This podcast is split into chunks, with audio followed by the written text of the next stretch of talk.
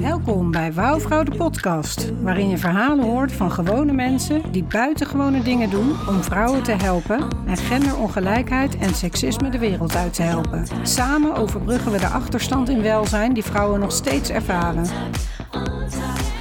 Ik ben Hiltje Oude-Luttekhuis, huisarts, inclusivist en rebel girl voor hartsintelligentie, pussy power en sisterhood.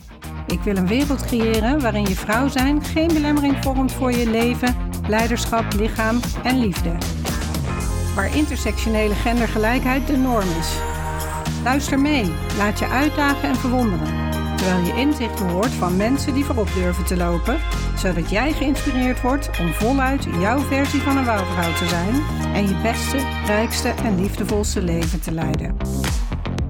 PS. Echt verschil maken doen we samen. Continue the conversation in de wouwvrouwwereld. Meld je aan op de website wouwvrouw.nl. Do wow, feel wow, make wow.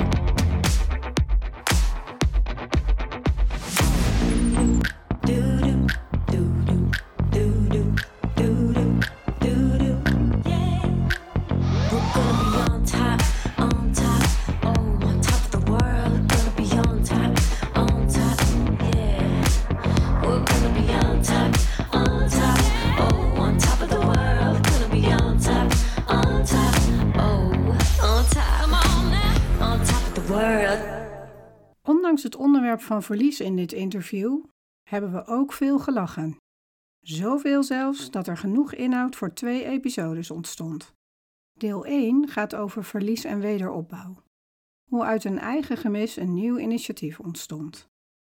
Deel 2 gaat over hoe widows en widowers ontstaan is en hoe verlies van een partner voor vrouwen en mannen heel verschillende uitdagingen meebrengt.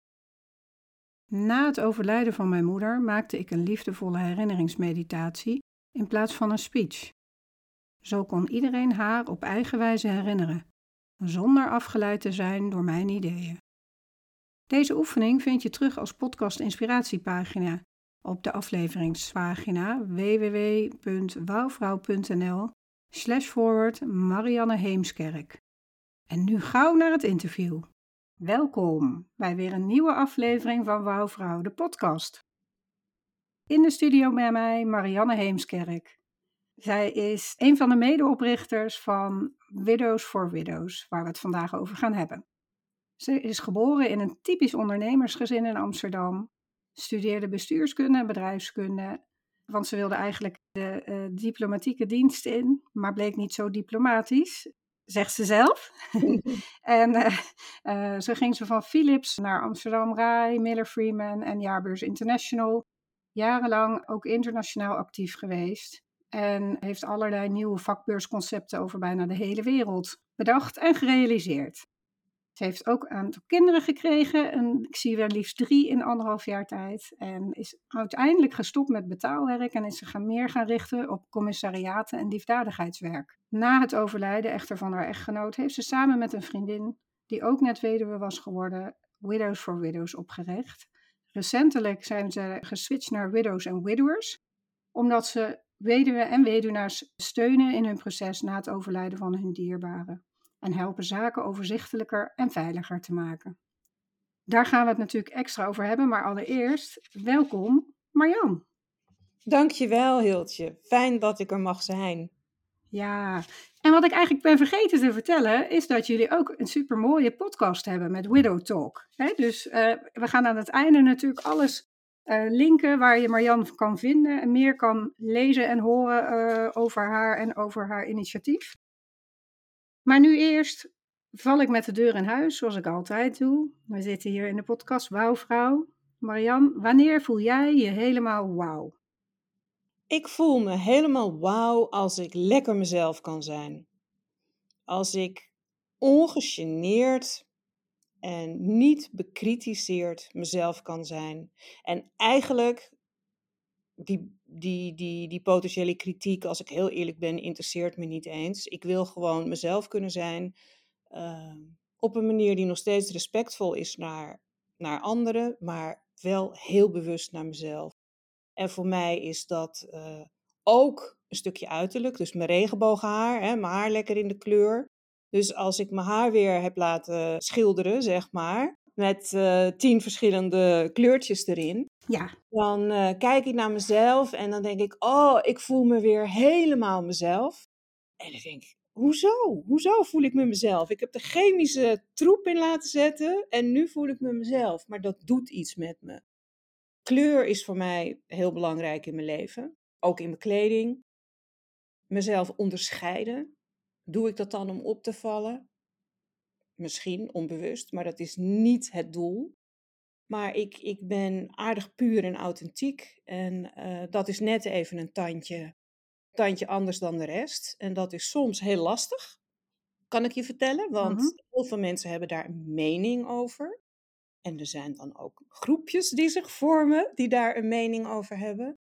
Ehm, maar ja, kan gewoon, kan gewoon niet anders. Dus dat is voor mij een element van het wauw zijn. ja. Ja, hè, dus inderdaad, je zegt als ik me helemaal mezelf voel.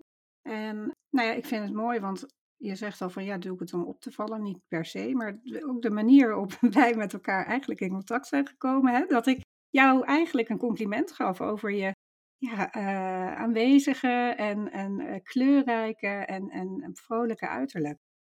Ja. En volgens mij, dat ging niet eens om je haar overigens. dat was de rest van de appearance. ja. Ja, ja, nou ja, ik hoor vaak van mensen dat ik zo'n eh, vrolijke, uitnodigende, aanstekelijke uitstraling heb. Ja, dat, dat weet je zelf natuurlijk helemaal niet. Dat, dat, dat, is, dat is gewoon wat je hebt.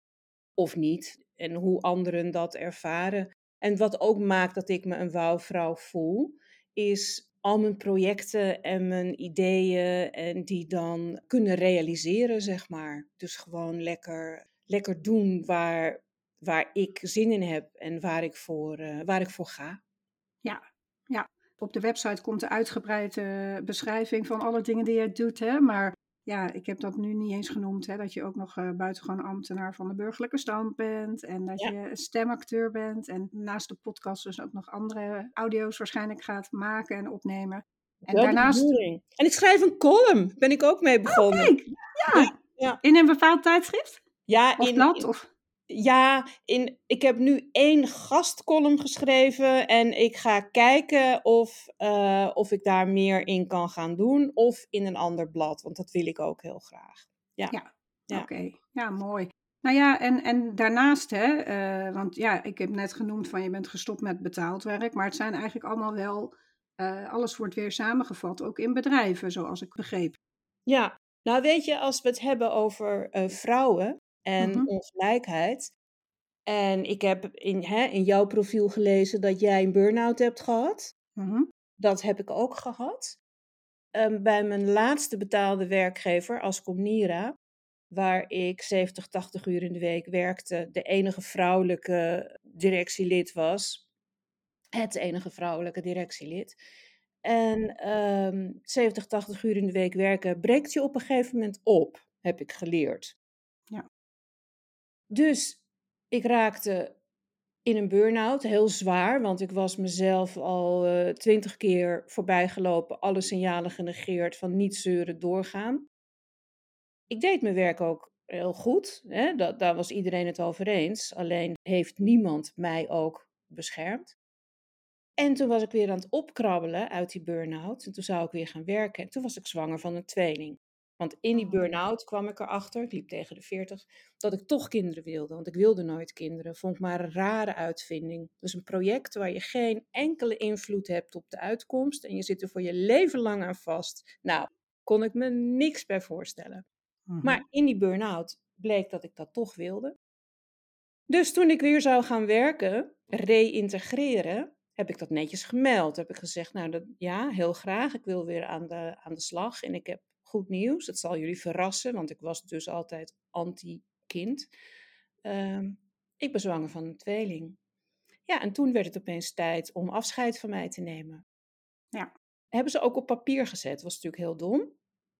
Ehm, dus dat heeft mij wel iets opgeleverd, financieel. Maar het heeft mij ook een enorme emotionele knauw eh, opgeleverd. Want dat zouden ze bij man nooit gedaan hebben. En tegen mij werd letterlijk gezegd: Ja, maar Marianne, jij gaat nooit meer zo hard werken als je gedaan hebt. Ik zeg: Nee, dat klopt misschien, dat weet ik niet. Maar ehm, sowieso werkte ik 70, 80 uur in de week en ik werd betaald voor 36.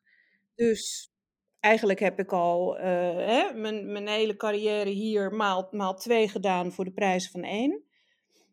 Maar dat, nee, nee, nee, zagen ze niet zitten. Nee, ja, ik zei net ja. En daarmee bedoel ik dus niet ja van eh, ja, logisch. Maar de ja van herkenning. Ja. Eh, want bij mij, dat heb ik denk ik niet in het profiel staan. Maar ik, eh, ik kwam letterlijk uit de burn-out. Ging ik inderdaad reïntegreren, protocollen schrijven. Want misschien was het nog niet zo verstandig om met patiëntenzorg te werken. Ja, en ik was inderdaad 32. En ik weet niet of ik kinderen wilde ooit. Maar toen had ik ook besloten dat ik het wel wilde. Ja, toen kwam ik zwanger terug. En toen was het inderdaad einde verhaal. Ja. En eh, ja, ik, het is, ja, ik was toen wel dus echt nog in de fase van ja, oké, maar ik ben inderdaad ziek geworden. En eh, nou, ik kon wel zien als van dit klopt niet. En toen ze mij slechte patiëntenzorg in de schoenen wilden schuiven, heb ik daar ook heel hard voor gevochten. En uiteindelijk gelijk gekregen dat dat niet aan de orde was. ja. Maar ehm, ja, de situatie was niet meer houdbaar, zeg maar. En dat, dat, dat is de, de switch geweest waarop ik uiteindelijk dus van kinderartsopleiding naar huisarts ben gegaan. Ja, en dat is wel, als ik terugkijk, wel echt zo'n punt van, hé, hey, die ongelijkheid was daar wel echt Ja. helder zichtbaar. En toch heeft niemand daar wat van bedacht of gevonden, of ik zelf ook niet. Raar, hè? Ehm, ja, Ja, ja, ja. Ik, ik weet dat ik. ehm, ik was gek op mijn werk, anders maak je ook niet zoveel uren. nee. Ik had een groot team en het, het liep goed, maar het was gewoon veel. En, en in MT-vergaderingen, als er iets nieuws opkwam, ik zei altijd ja. Maar ik zat weekenden te werken. Die mannen waren met hun kinderen op het hockeyveld, op het voetbalveld, gingen met hun vrouw naar de IKEA, weet ik veel wat ze allemaal deden. En ik zei alles af. Dus op, en op een gegeven moment ging ik naar de PNO-man, of de HR-man, weet ik het. En toen zei ik, weet je, het is zo raar. Ik zit iedere ochtend om kwart voor zeven huilend in de auto. Waarom zou ik nou iedere ochtend zitten huilen? Ik snap er niks van. Een van de eerste signalen van een burn-out heb ik achteraf begrepen. Hè? Dat je die, die onverklaarbare. Oh, zeiden joh, je, je gaat richting de 40, dat is de overgang, niks van aantrekken. De man die verantwoordelijk is voor het welzijn van de mensen daar. Ja. Ik ben daar zo verschrikkelijk boos over geweest. Maar mij probeerden ze ook dingen in de schoenen te schuiven, wat ik ook heb kunnen weerleggen. Maar het is ook een lang en pijnlijk proces geweest. Ja. Ja, heel raar. Ja, en ik, kijk, ik heb het voor mezelf in die zin wel kunnen vergoelijken. Nou, er zijn twee factoren die daarbij hebben geholpen. Ik heb het boekje toen gelezen, Hoe word ik een rat? Eh, Oh. en dat beschrijft heel helder hoe die processen werken en hoe je eigenlijk ja, misleid wordt en hoe ze proberen jou weg te krijgen. Hè? Dus los van of het heel persoonlijk is, hè? want je hebt natuurlijk de neiging om dat persoonlijk op te vatten. Tuurlijk.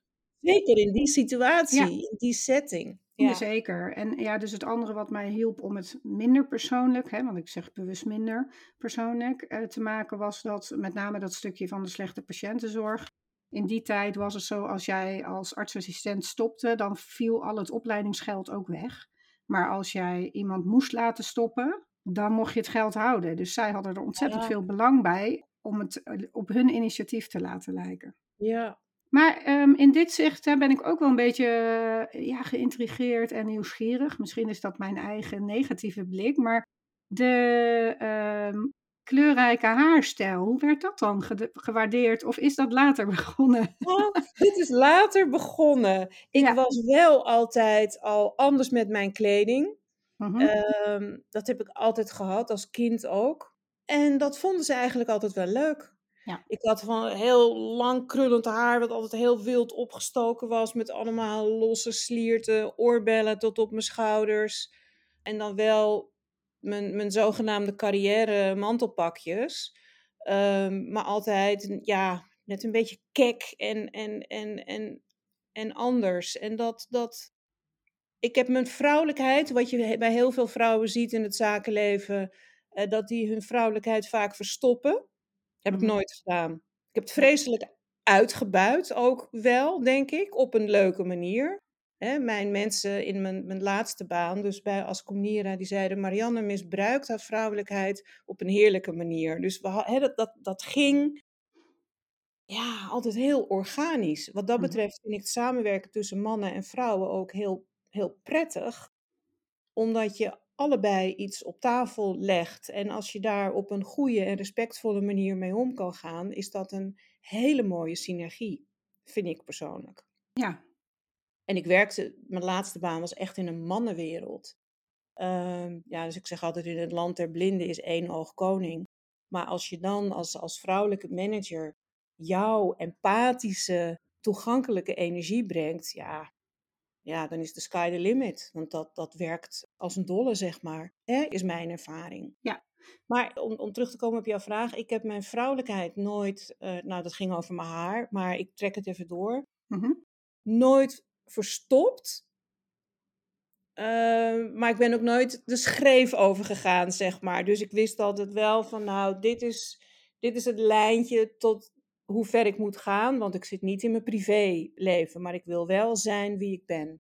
En ja, in de beurzenwereld kan natuurlijk heel veel. Omdat je daar, ja, als, als, als beursmanager is wat anders dan dat je in een donkerblauw stijfmantelpak moet lopen. ja. En in mijn laatste baan was dat eigenlijk ook zo. Ik vind het ook heel jammer als vrouwen het idee hebben dat ze zich moeten verschuilen in de, de zogenaamde vrouwelijke variant van, eh, van het driedelige kostuum. Ja. ja, toch was dat inderdaad wel mijn ervaring. Hè? Dus als jij als, eh, ja, als net klare dokter probeert om specialist te worden, ja, het was echt gebruikelijk. En dat is wel een beetje veranderd hoor, denk ik. Daar is meer openheid in gekomen. Hè? Dus toen ik uh, kooschap liep, was op sneakers ook echt not on. Nou, dat is ook passé, dat kan gewoon. Ja, Maar ja, dat was toch wel gebruikelijk om echt inderdaad in pak te gaan solliciteren. ja, Dat was voor mij veel te keurslijverig, uh, zeg maar. Goed, daarin is ook wel wat ontwikkeling geweest. En anderzijds, ja, ik denk zelf altijd, het is zo oppervlakkig dat het alleen maar over die kleding gaat. Maar dat zegt natuurlijk ook wat over de, ja, die ongelijkheid die erin zit. Hè? Want een man wordt niet beoordeeld of hij nou een mooi pak aan heeft of een lelijk pak. ja. Als klopt. het maar een pak is. En bij vrouwen maakt het dan wel uit. Ja, ja en, en mag je als vrouw wel een rok boven de knieën dragen of niet boven de knieën? Ik heb wel gehad dat tegen mij gezegd werd, echt, je moet tegen je assistent zeggen dat ze niet meer van die korte rokjes draagt, want ze, de benen zijn te dik om die korte rokjes aan te hebben. Ik zei, nou, good luck. Maar als jij dat vindt, zeg het zelf. Ik ga Ja. het niet doen. Nee, nee. Ja, Dus dan wordt niet eens bepaald wat je draagt, maar welk figuur je moet hebben om het überhaupt te mogen dragen. ja precies. Ja. Ja, En, en dat het zo verborgen is. Hè? Want wij hebben dan nu blijkbaar allebei de ervaring dat het vrij recht, recht aan gecommuniceerd werd. Hè? Dat het zwanger worden het probleem is. Maar ik, ik merk gewoon ook aan, aan uh, de, iets, de, de generatie weer onder mij, zeg maar.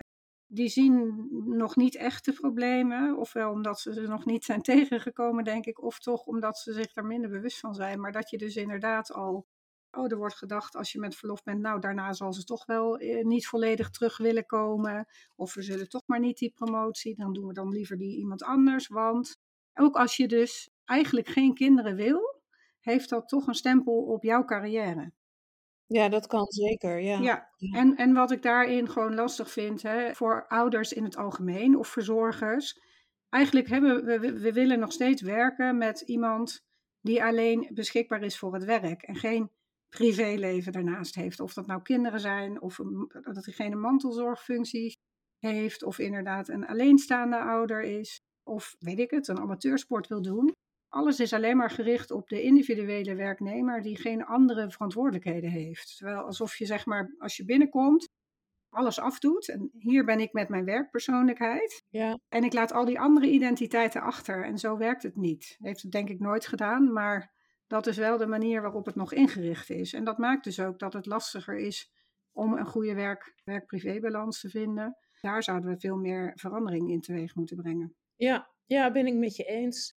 Nou, en als jij dit zo zegt, komt bij mij boven, dat was bij de jaarbeurs. ik heb altijd de neiging om mensen met wie ik werk ook in mijn privé uit te nodigen. Wat dat betreft voel ik daar geen barrière in, want ik ben wie ik ben en dat Ja. ben ik op de zaak en dat ben ik ook privé. Ik ben heel makkelijk in het uitnodigen van mensen, dus dat vloeit altijd in elkaar over. Wij hadden een boot, mijn man had een boot, dus ik had eh, mensen van mijn afdeling uitgenodigd om op de boot eh, in Amsterdam te gaan varen, om iets te vieren. Ik heb geen idee meer wat. En hoe eindigt dat? Mijn mannelijke collega's staan allemaal op één punt van de boot met mijn man te praten. En ik sta met de, de vrouwelijke collega's. Maar mijn directe collega's waren de mannen. Maar die waren helemaal niet meer geïnteresseerd in mij. Die hadden iets van: nee, we willen met die vent praten. Haar eh, hoeven we helemaal niet. Dus dat voelde. Ik dacht, wat is dat nou? Ben ik opeens echt eh, gedemoveerd naar het vrouwen, vrouwenhoekje? Jullie zijn verdorie door mij uitgenodigd. Maar ja. dat was heel, heel apart om te zien. Het stoorde me niet. Ik ging er gewoon weer bij staan. Ik dacht, ik ga er gewoon als enige vrouw tussen staan. Maar dat, eh, ja, dat was heel apart. Ja. Hey, en is dat ook iets, als je dan kijkt hè, vanuit het eh, widow-perspectief, is dat iets wat speelt als je partner verliest, dat je daardoor ook anders weer terug ontvangen wordt op het werk? Is dat iets waarvan jij iets weet? Ehm, nou, ik heb dat zelf natuurlijk niet ervaren, omdat ik gewoon in mijn, mijn, hè, in mijn eigen huis werk, zeg maar, met Mhm. mensen om me heen die me dierbaar zijn en voor wie ik dierbaar ben. Maar ik hoor het natuurlijk wel van ons leden. We zijn begonnen met Widows for Widows, een sisterhood, omdat we denken dat vrouwen voor enorme uitdagingen staan als ze hun partner verliezen. Alleen al om het feit dat vrouwen voor 80% in Nederland financieel afhankelijk zijn van hun partner. Door parttime werken of helemaal niet werken, de man verdient meer. Dat is nogal wat. 80% Nederland, 2022 zijn deze cijfers. Dus ja, als je man overlijdt, dan valt er heel veel geld weg. Hoe is het geregeld? Kan je nog in het huis blijven wonen? Kan je de hypotheek nog betalen? Kan je de huur nog betalen? Nou, heel vaak niet. En dan moet er van alles gebeuren. En dan moet de vrouw zich afvragen: wat doe ik? Hoe kan ik meer geld gaan verdienen? Ga ik herscholen? Ga ik eh, minder tijd in mijn gezin besteden omdat ik gewoon meer uren moet draaien, et cetera. Dus dat zien we heel veel terug. En we horen ook van mensen dat ze zich ongemakkelijk voelen op het werk, omdat mensen niet weten hoe ze met ze om moeten gaan en wat ze tegen ze moeten zeggen. Dus dat er een ongemak ontstaat, omdat we in Nederland heel slecht met rouw en verlies om kunnen gaan. We negeren het liever. Hè? Struisvogelpolitiek, ik zie het niet, dus het is er niet. En dat kan een issue zijn voor, eh, voor mensen. Ik zie ook dat heel veel weduwen na het overlijden van hun man een carrière switch maken. Niet eens omdat dat dan financieel zou moeten, maar omdat ze iets willen doen met het verlies dat ze geleden hebben en met de ervaringen. En dat ze willen kijken hoe ze andere mensen kunnen helpen. Dus in mijn, mijn podcast Widow Talk nodig ik ook veel van die mensen uit omdat ik dat een heel mooi proces vind. Nou, Astrid en ik zijn daar ook een voorbeeld van. Hè? Wij zijn ook vanuit die situatie begonnen met Widows for Widows. Maar het grappige is, Widows for Widows, en dan willen we samenwerken met grotere uitvaartorganisaties, zodat zij hun leden die hun begrafenis bij hun geregeld hebben, kunnen wijzen op het feit dat wij bestaan. Dus dat wij een Ja. stukje nazorg verlenen op allerlei gebied. Uh, maar toen werd ons verteld, ja, maar we kunnen jullie niet aanbevelen, want jullie richten je alleen op vrouwen. Jullie zijn niet inclusief. En jullie kunnen, leuk hè? Ja, ja. Wij kunnen niet als gerenommeerd bedrijf alleen maar tegen een deel van onze leden zeggen: hier hebben we een stukje support voor je en daar niet. Ik snap dat, hè? Ik, ik Mhm. snap dat ze dat zeggen. Dat ze een totaaloplossing zouden willen voor hun klanten, begrijp ik volledig. Wij kregen ook verzoeken van mannen en ik vond het steeds lastiger om uit te leggen waarom we die niet zouden toelaten. Maar het feit dat wij niet inclusief zijn, terwijl vrouwen structureel eeuwenlang, tot nog niet zo heel lang geleden, buiten heel veel dingen gehouden zijn, ik dacht, nou, het is toch, toch wel interessant dat me dit nu verteld wordt. Ja, heel herkenbaar. En dat is wel ook wel iets wat eh, juist in het stukje inclusiviteit en diversiteit vaak weer extra het tegen wordt gebruikt. Ja, als organisatie mag je daar ook natuurlijk zelf een keuze in maken. En ik kan me voorstellen, ehm, als ik bijvoorbeeld naar mijn topic, hè, dus eh, ongelijkheid kijk en ik bied een training aan voor vrouwen met burn-out of juist een seksualiteitstraining, dan is dat dus heel anders dan als ik dat voor mannen of voor mannen en vrouwen aan zou bieden. Hè? Ja. Om- omdat we op dat vlak, ja, ook neer niet helemaal, want seksualiteit is voor iedereen hetzelfde en, en niet. Hè? Dus Als je naar de vorige podcast met Elise van Alderen luistert, dan heb je het natuurlijk over unieke ervaringen. Maar ik kan me voorstellen dat je juist bijvoorbeeld door die financiële positie toch verschillende problemen ziet tussen mannen en vrouwen. Als, als weduwe en weduwnaar. Absoluut. En je moet dat ook dan kunnen opvangen en willen opvangen. Ja, Wel heel Nou, mooi eh, dat jullie die ja. omslag maken. Ja, want dat gesprek heeft er wel toe geleid dat we nog eens goed zijn gaan navelstaren. En Astrid is met al haar eh, werk voor vrouwen, hè, zij is ook eh, voorzitter van de NVR, Nederlandse Vereniging voor Vrouwen, heel erg voorstander van het vrouwenvraagstuk. Terwijl ik zei, ja, dat begrijp ik, maar we kunnen nog steeds dat vrouwenvraagstuk behartigen, maar ook het belang van mannen meenemen. Mhm. Waardoor we inderdaad inclusiever zijn, wellicht beter ook tot bepaalde samenwerkingen kunnen komen. Maar uiteindelijk willen we mensen die een partner zijn verloren helpen. Ja. En als mannen ook die hulp nodig hebben, wie zijn wij dan als vrouw om te zeggen: jullie zijn in het verkeerde lijf geboren, jullie mogen niet meedoen met ons clubje? Zeg ja, dat druist tegen alles in waar ik voor sta, want ik sta juist voor inclusiviteit. En toen zijn we wat mannen gaan interviewen, wat weduwnaars, om te kijken of er überhaupt echt behoefte aan is en, en hoe ze daarin staan. Nou, dat is inderdaad zo. En gedeeltelijk lopen ze tegen dezelfde problemen aan, maar ook tegen hele andere dingen. Het is heel stereotyp, maar er zijn toch aardig wat mannen die zeggen: Ja, toen mijn vrouw wegviel, wist ik niet hoe ik uh, aardappelen, en groente op tafel moest zetten. Of hoe moest ik dat regelen met het rijden naar ballet, gym en eh, weet ik veel, Ja. voetbal. Maar ja, dat is natuurlijk de andere kant van dezelfde medaille. Hè? Ja. Want we hebben het altijd over het onrecht voor vrouwen door de ongelijkheid. Maar mannen hebben er ook heel veel in verloren en te verliezen. Eh, Exact. ja. ja. En ik zie het in die zin dus ook door het oplossen, structureel oplossen van die ongelijkheid. En door iedereen als uniek mens te zien. All inclusive. Ja. Ja. ja, ga, ga je aan uh, dat soort dingen voorbij. En daarnaast moet er toch ook ruimte zijn voor de verschillen. En erkenning dat het voor iedereen verschillend is, maar ook voor vrouwen onderling. Maar verschillen zijn mooi. Ja. Want als de verschillen er niet zouden zijn, naar mijn idee, zou het dan beren saai zijn. Ja, absoluut. Daar ben ik Ja. het helemaal mee eens. Ja. Ja. Dus ehm, je moet de verschillen respecteren over en weer. Dat, Ja. is, dat, is, mijn, dat is mijn idee altijd. En wat ik zelf heel, heel leuk vind, ik heb dat ook aan begrafenisondernemers gevraagd. Die dan de begrafenis regelen en daarna, weet ik veel, na zes weken, twee maanden nog een, een soort exitgesprek hebben en, en mensen nog een beetje begeleiden. Ik zeg, wat is nou het verschil tussen mannen en vrouwen in je begeleiding en in de vragen die je krijgt?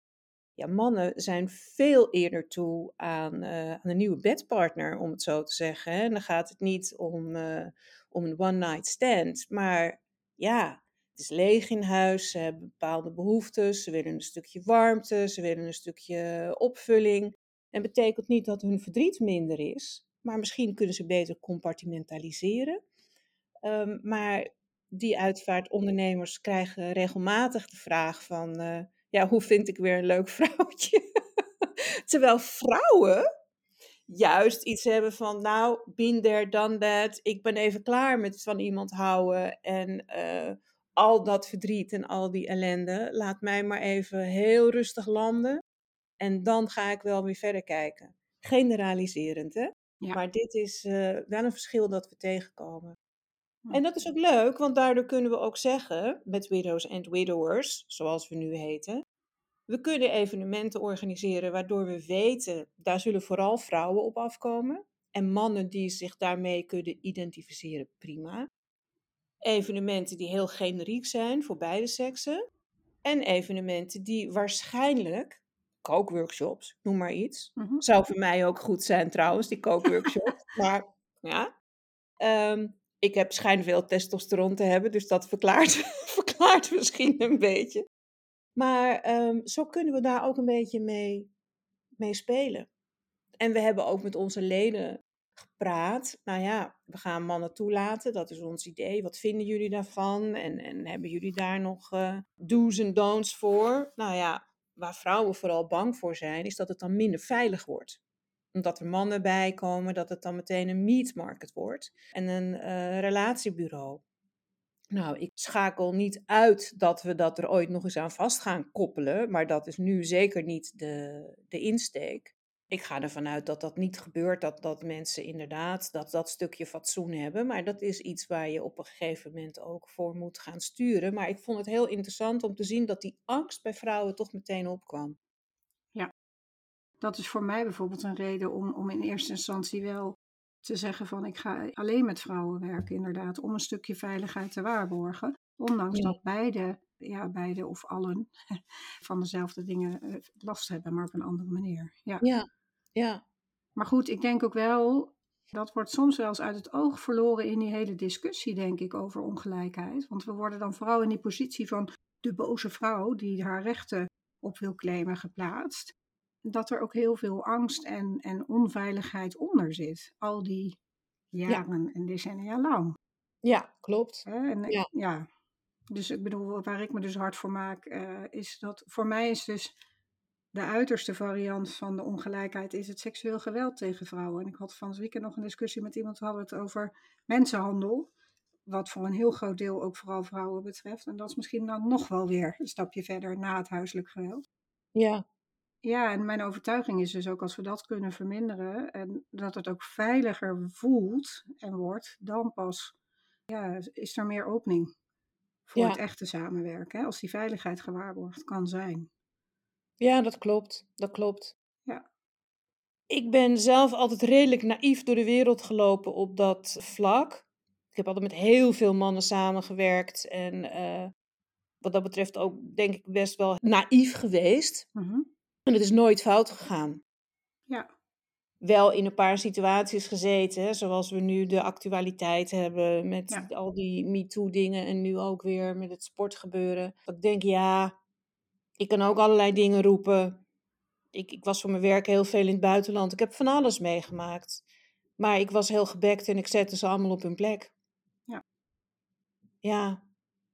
Maar misschien heb ik ook wel geluk gehad. ja dat is het. Hè? Je weet het ook niet. Nee. En ik denk wel, kijk, ja, de cijfers zijn natuurlijk, eh, is het toch een soort van gegeven, hè? los van dat Ja. het nooit de 100% waarheid is. Maar ik denk, ja, dat je naar tendensen en bewegingen moet kijken.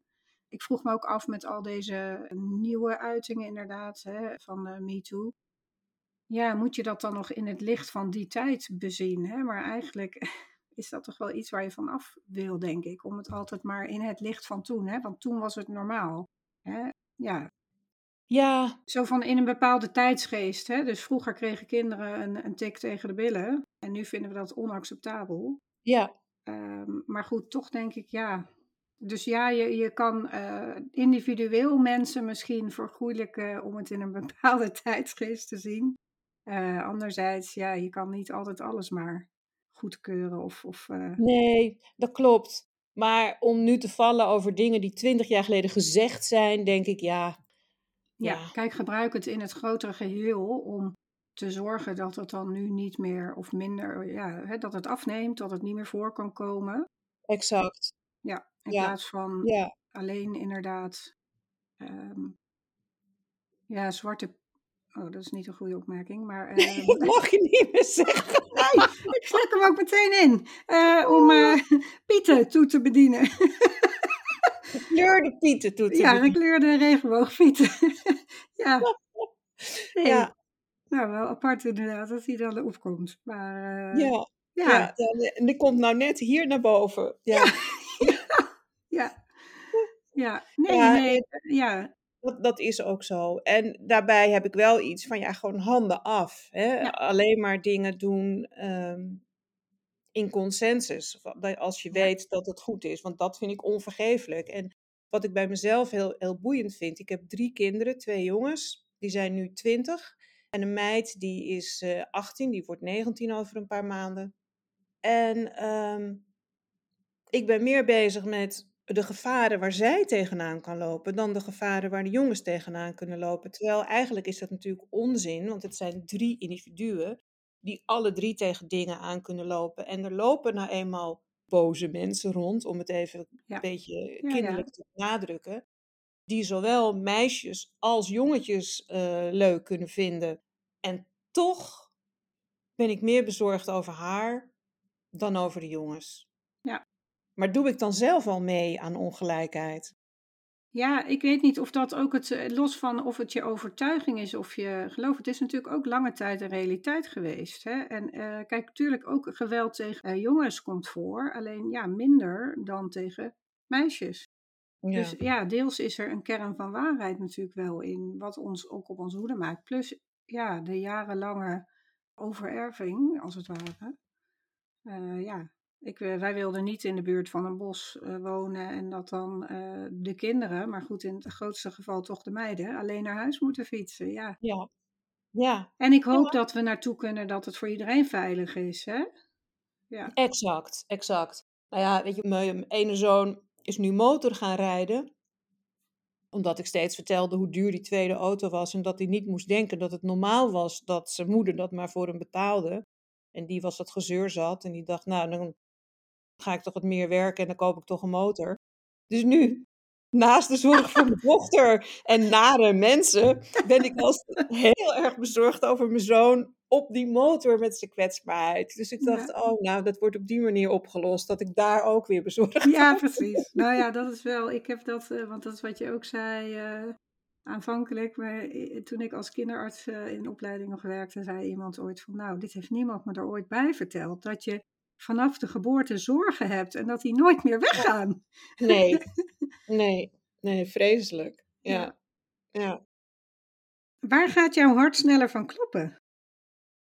Ehm. ja. Wat ik zelf heel leuk vind, is dat sinds mijn man is overleden, ben ik iets meer in contact gekomen met mijn spiritualiteit en dingen die, eh, die kloppen. En ik, ehm, als ik met iemand spreek of een idee krijg, en dan krijg ik tintelingen op mijn hoofdhuid. Dat schijnt een of ander chakra te zijn, heb ik me laten vertellen. En eh, ja, ik weet er helemaal niks van, dat is het mooie. Maar daarom is het ook zo leuk om dat te ervaren en te omarmen. En dat trillingen lopen zo'n beetje naar beneden in mijn nek en die gaan om mijn schouders heen. Alsof iemand je van achteren zo'n zo'n zo'n bear hug geeft. Ik, ik ben dol op die knuffels Mooi. dat zie ik dan als een bevestiging van boven dat ik iets, met iets goeds bezig ben. En daar, ja, daar kan ik zoveel energie van krijgen. Want dan denk ik, yes, ik ben goed bezig. En dat, dat kan een, hè, wat ik zeg, een contact met iemand zijn. Het trouwambtenaar worden was ook zoiets. Ik zat een beetje op de bank en ik dacht, ja, dat is mooi, dat, dat widows en widowers. Maar het is wel, mensen overladen je wel steeds met hun eh, verdriet. En wij zijn er niet om alleen maar met mensen uit te huilen. We zijn er juist om mensen te helpen verder te gaan en weer te groeien en te bloeien. Zoals we zelf ook bezig zijn, Astrid en ik. Dus ik dacht, ja, wat kan ik nou een beetje doen als, als, als, als, als counterpart? En opeens kwam trouwambtenaar in me op. Ik denk, hé, hey, dat komt niet zomaar in me op. Dus ik ben dat gaan googlen. Eh, dacht oké, dan ga ik dat wel doen, want al die tintelingen waren er. Dus ik keek naar boven, ik zeg, ja, ik heb het door. En ik heb me meteen opgegeven voor een, eh, voor een cursus. Dus ik, ik, ik luister ernaar, ik omarm het en eh, ik, ik doe er wat mee. Ja. Maar waar ik ook heel blij van word, is een microfoon in mijn handen hebben. En ehm, dus het podcasten, podcast opnemen, ik vind dit heel leuk. En mijn eigen podcast, Widow Talk. Dan denk ik, oh, meer, meer. Hoe kan ik hier meer mee doen? Mijn verhaal delen of andere mensen hun verhaal laten vertellen. Ik ben heel nieuwsgierig van aard. Ik heb weinig filter. Nou, dat merk je misschien al een klein beetje. Dat reflecteert elkaar dan mooi. Ja, hè? ja. En ik vind het ook helemaal niet erg om mezelf een beetje belachelijk te maken of kwetsbaar op te stellen, want dat is juist wat mensen mooi maakt, naar mijn idee. Zeker. Dus ik heb, nou hier, ik, ik voel het dus nu. Oh ja, ja, ja. Ik voel het nu dus ook weer lopen. Zo, zo ja, over mijn hoofd en achter mijn nek. Heerlijk. Dus Ja. daar wil ik ook meer mee. Daar word ik enthousiast van. Maar dat kan ook zijn eh, spreken in het openbaar. Ik was door Anne Gozensen, met wie ik in het bestuur van Villa Troost eh, Trust, moet ik zeggen, Drechtsteden zit, een inloophuis voor mensen met verlies, was ik gevraagd om te spreken in het voorprogramma van haar eh, lectorale reden bij HBO Drechtsteden over verlies, rituelen en dan mijn verlies en waar dat toe geleid had, hè? eh, Mhm. widows en widowers. Heerlijk. Maakt me niet uit of er tien mensen in de zaal zitten of 500. Ik vermaak me wel op dat podium en de mensen dan meestal ook. Maar het kan ook zingen zijn, zingen in een studio, een nummer opnemen. Vind ik ook fantastisch. Mooi. Eigenlijk heeft het heel erg te maken met wanneer voel ik me senang. Als ik iets doe wat heel dicht bij me staat en wat mijn authenticiteit eh, raakt. En ik doe dus ook eigenlijk geen dingen meer waar ik geen zin in heb. Mhm. Ja, helemaal ontkom je er natuurlijk niet aan. De hond moet uitgelaten worden en eh, de was moet in de machine. En soms moet je aardig zijn tegen mensen waar je niet zo'n zin in hebt. Maar ehm, waar het kan, kies ik ervoor om heel dicht bij mezelf te blijven. En dat voelt heel goed. En dat, dat had ik al langer, maar dat is vooral ingezet na het overlijden van mijn man. Dat ik denk van ja, ik heb toch niks te zeggen over hoe het leven gaat. Maar dan nu kan ik bepalen wat ik doe, waar ik blij van word.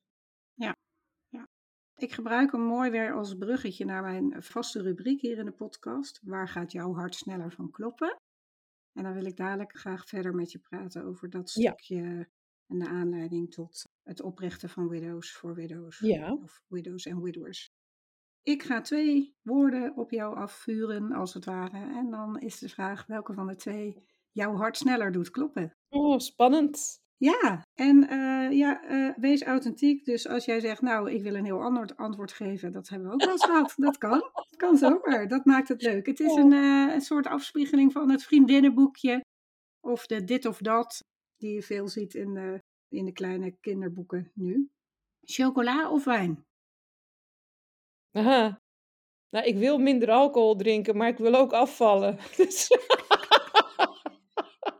Ehm, maar een, ik denk toch een lekker glas rode wijn. Mhm. Ja. Een boek of een podcast? Ja, dat is podcast geworden. Maar een podcast opnemen. ja, kijk, daar is die authenticiteit al. Eh, mannen of vrouwen? Eh, ik zit nu in de fase dat ik mannen toch ook wel heel leuk weer begin te vinden. Eh, hakken of sneakers? Hakken. Angela Merkel of Jacinda Ardern? Mm. Ik denk Angela Merkel. Stemacteur of Babs? Oh, dat is een gemene. Babs. Babs. Positiviteit en de energie en het mooie, het mooie begin. Heel, heel, heel mooi om te doen. Ja, ik vind eh, hoe je dat net ook tegenover elkaar hè, zetten. Nou, ik maak met mijn hand eigenlijk al het, eh, eh, hoe zeg je dat, het oneindige teken. Hè? Ja, maar van, precies. van Ja. de verbindingen. Dus het is niet helemaal tegenover elkaar, maar die, de compensatie van het verdriet met iets van een nieuw begin. Ja. Dat raakt mij. En dat is ook wel wat ik merk in mijn eigen werk. Hè? Dus als, als arts, zeker in de functies die ik nu heb, eh, is heel veel tegenslag en eh, ook toch wel verdriet. Ehm, ja, en vandaar het stukje wow en empowerment. Ondanks dat hier ook wel een, een tegenslagrandje aan zit natuurlijk. Hè? Maar ja. ja, zo zie ik dat voor mezelf ook wel. Mensen zeggen ook, hoezo dan trouwen? Ik zeg nou, trouwen en rouwen, het verschilt maar één letter, hè? Het ligt heel dicht bij elkaar. Ja, inderdaad. Ja. Ja.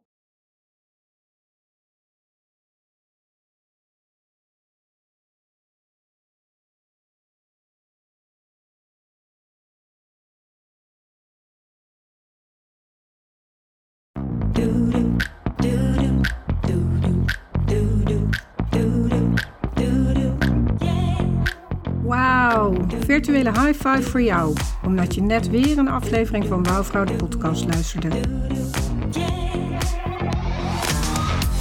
Ging dat voor jou trouwens ook veel te snel voorbij?